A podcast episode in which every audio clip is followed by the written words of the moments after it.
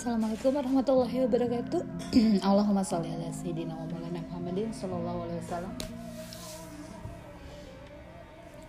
La haula wala quwata illa billah ya hayyu ya qayyum la ilaha illa anta subhanaka inni kuntu minaz zalimin.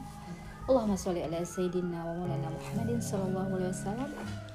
Auzubillahi minasyaitonir rajim. Bismillahirrahmanirrahim. Aku mau berbagi kisah tentang kemarin-kemarin ini tentang seekor laba-laba. Jadi tuh kan ya kemarin tuh kalau kita hidup di dunia pasti tak luput dari dosa.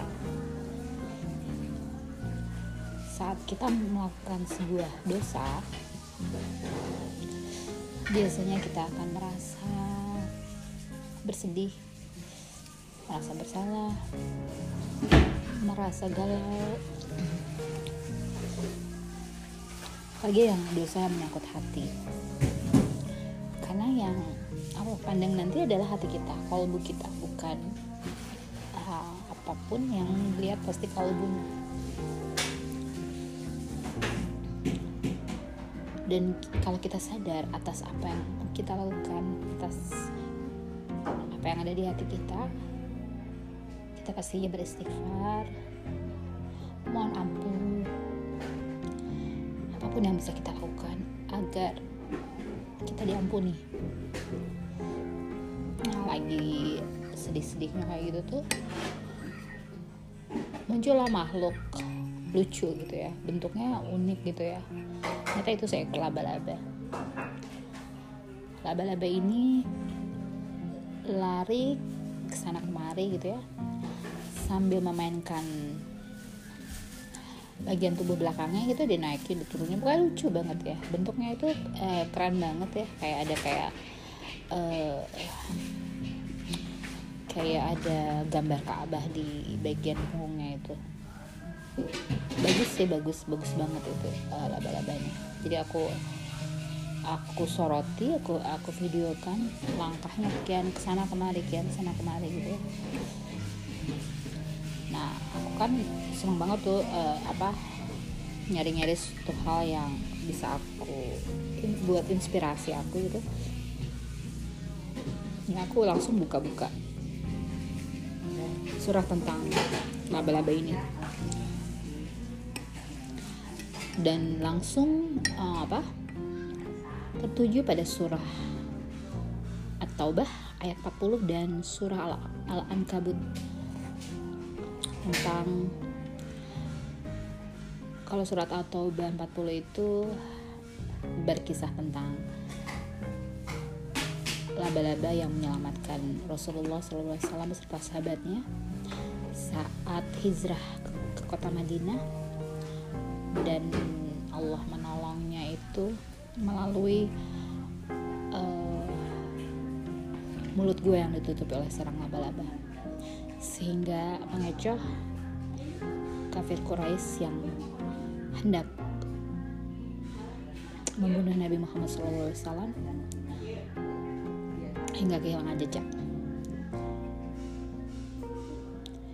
Dan dikatakan di surat Al-Ankabut bahwa selama-lamanya perlindungan dari orang kafir Quraisy itu adalah berhala-berhala yang diibaratkan bagaikan rumahnya laba-laba. Jadi rumahnya laba-laba ini ya kalau kita bersihkan gitu ya, ya nggak punya kekuatan apa-apa.